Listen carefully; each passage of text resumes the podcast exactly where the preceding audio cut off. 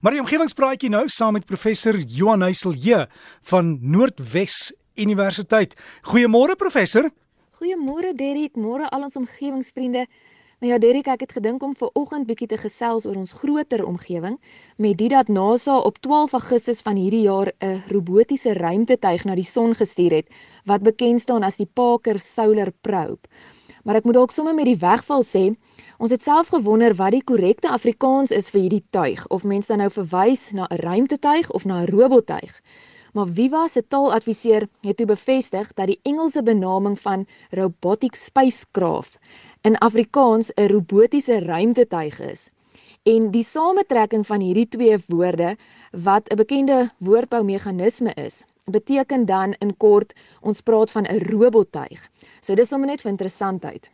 Maar wat hierdie robottuig nou so besonder maak, is dat dit die naaste aan die son sal kom as wat enige aardse tuig nog ooit was.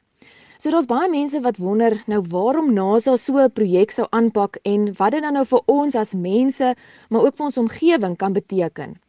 En hierdie vraag kon baie goed beantwoord word deur Dr. De Tooy Strauss en Roan Stein, kollegas van my hier by die Noordwes Universiteit wat werksaam is by die Sentrum vir Ruimtenavorsing en wie self ook betrokke is met hierdie ruimtesending se data-interpretasie. Nou soos hulle vertel, is iets wat ons nie altyd besef nie, die hoeveelheid tyd wat ingaan om so 'n projek te beplan. Hierdie spesifieke projek word nou al vir amper 60 jaar beplan met die hulp van wetenskaplikes reg oor die wêreld. En die rede daarvoor is dat hierdie robottuig basies heeltemal geoutomatiseer is. So dit beteken vir die 7 jaar wat hierdie projek sal duur, sal hierdie tuig op sy eie funksioneer en presies die wentelbaan volg en die opnames maak en die data versamel soos wat dan nou vooraf beplan is.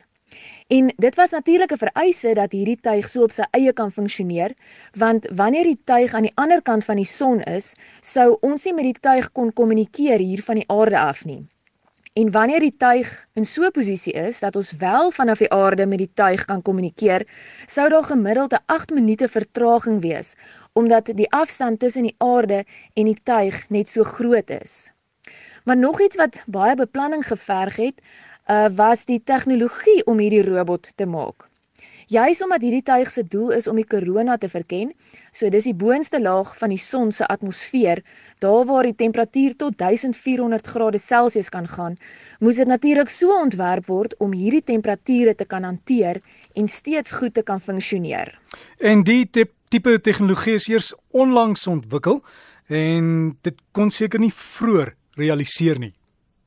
Derek, ja, dis waar. Dis eers in die laaste paar jaar wat die tegnologie ontwikkel is wat verseker dat wanneer die tuig aan hierdie 1400 grade Celsius blootgestel word, die binnekant van die tuig, daar waar al die apparate is, op 30 grade Celsius sal bly en dis nie beïnvloed sal word deur die hitte nie. Maar nog 'n rekord van hierdie tuig is dat dit die vinnigste mensgemaakte voorwerp in die heelal sal wees wanneer dit op die naaste punt aan die son 'n spoed van 700 000 km per uur sal bereik. Nou hierdie naaste punt, soos ek vroeër genoem het, sal die naaste wees wat enige tuig of mensgemaakte voorwerp nog aan die son gekom het. Op hierdie naaste punt sal die tuig 6.6 miljoen kilometer vanaf die son af wees. Nou dit klink vreeslik ver, maar persentasiegewys as mens die afstand tussen die son en die aarde neem, beteken dit die robottuig sal 96% van die afstand tussen die son en die aarde dek. So daar sal basies 4% oor wees tussen die robottuig en die son.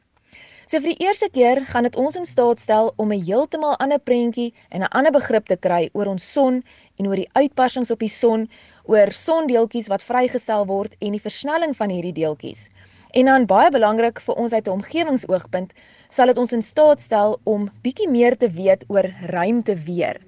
Nou ruimteweer word net soos ons weer hier op aarde voorspel en hierdie tuig sal dit moontlik maak om meer akkurate voorspellings te maak en veral ook vir ons te wys wanneer daar sonstorms kan voorkom wat natuurlik 'n groot effek op aarde en op ons eie omgewing kan hê. En professor, ek onthou verlede jaar in September was daar waarskuwing oor sonvakkels of sonvlamme wat ons kommunikasie hier op aarde kan beïnvloed. So NASA gaan nou presies weet waar en wanneer. Ja, NASA verwys na die son as 'n magnetiese aktiewe ster wat die hele tyd gemagnetiseerde materiaal uitwaarts stuur en sodoende dan ruimte weer beïnvloed.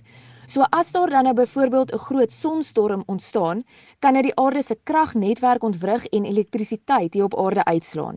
Dit kan natuurlik ook ons satelliete beskadig, wat beteken dit kan 'n impak hê op ons telefoonstelsels en ons navigasiesisteme en natuurlik ook 'n invloed op ons internet en byvoorbeeld ons DStv. So hierdie sonnavorsing help met die bestuur van risiko's wat kan plaasvind op aarde as 'n gevolg van die gebeure in die ruimte. Nou gedurende die volgende 7 jaar wat die tuig dan nou 'n paar keer om die son sal wentel, sal ons hopelik goeie data en inligting kan insamel om so iets meer te verstaan van die ruimte en die son en veral die impak daarvan op ons omgewing. En dan na 7 jaar, wanneer die brandstof van hierdie tuig opgebruik is, sal die tuig van die wentelbaan afwyk en iewers in die ruimte tot niet gaan. Derek, maar as groen gedagte, Wanneer ons vandag die son sien, kan ons maar dankbaar wees vir tegnologie wat ons help om meer en meer van ons omgewing te leer terwyl ons terselfdertyd besef hoe klein en hoe nietig ons hier op aarde is en hoe ongelooflik ons omgewing funksioneer.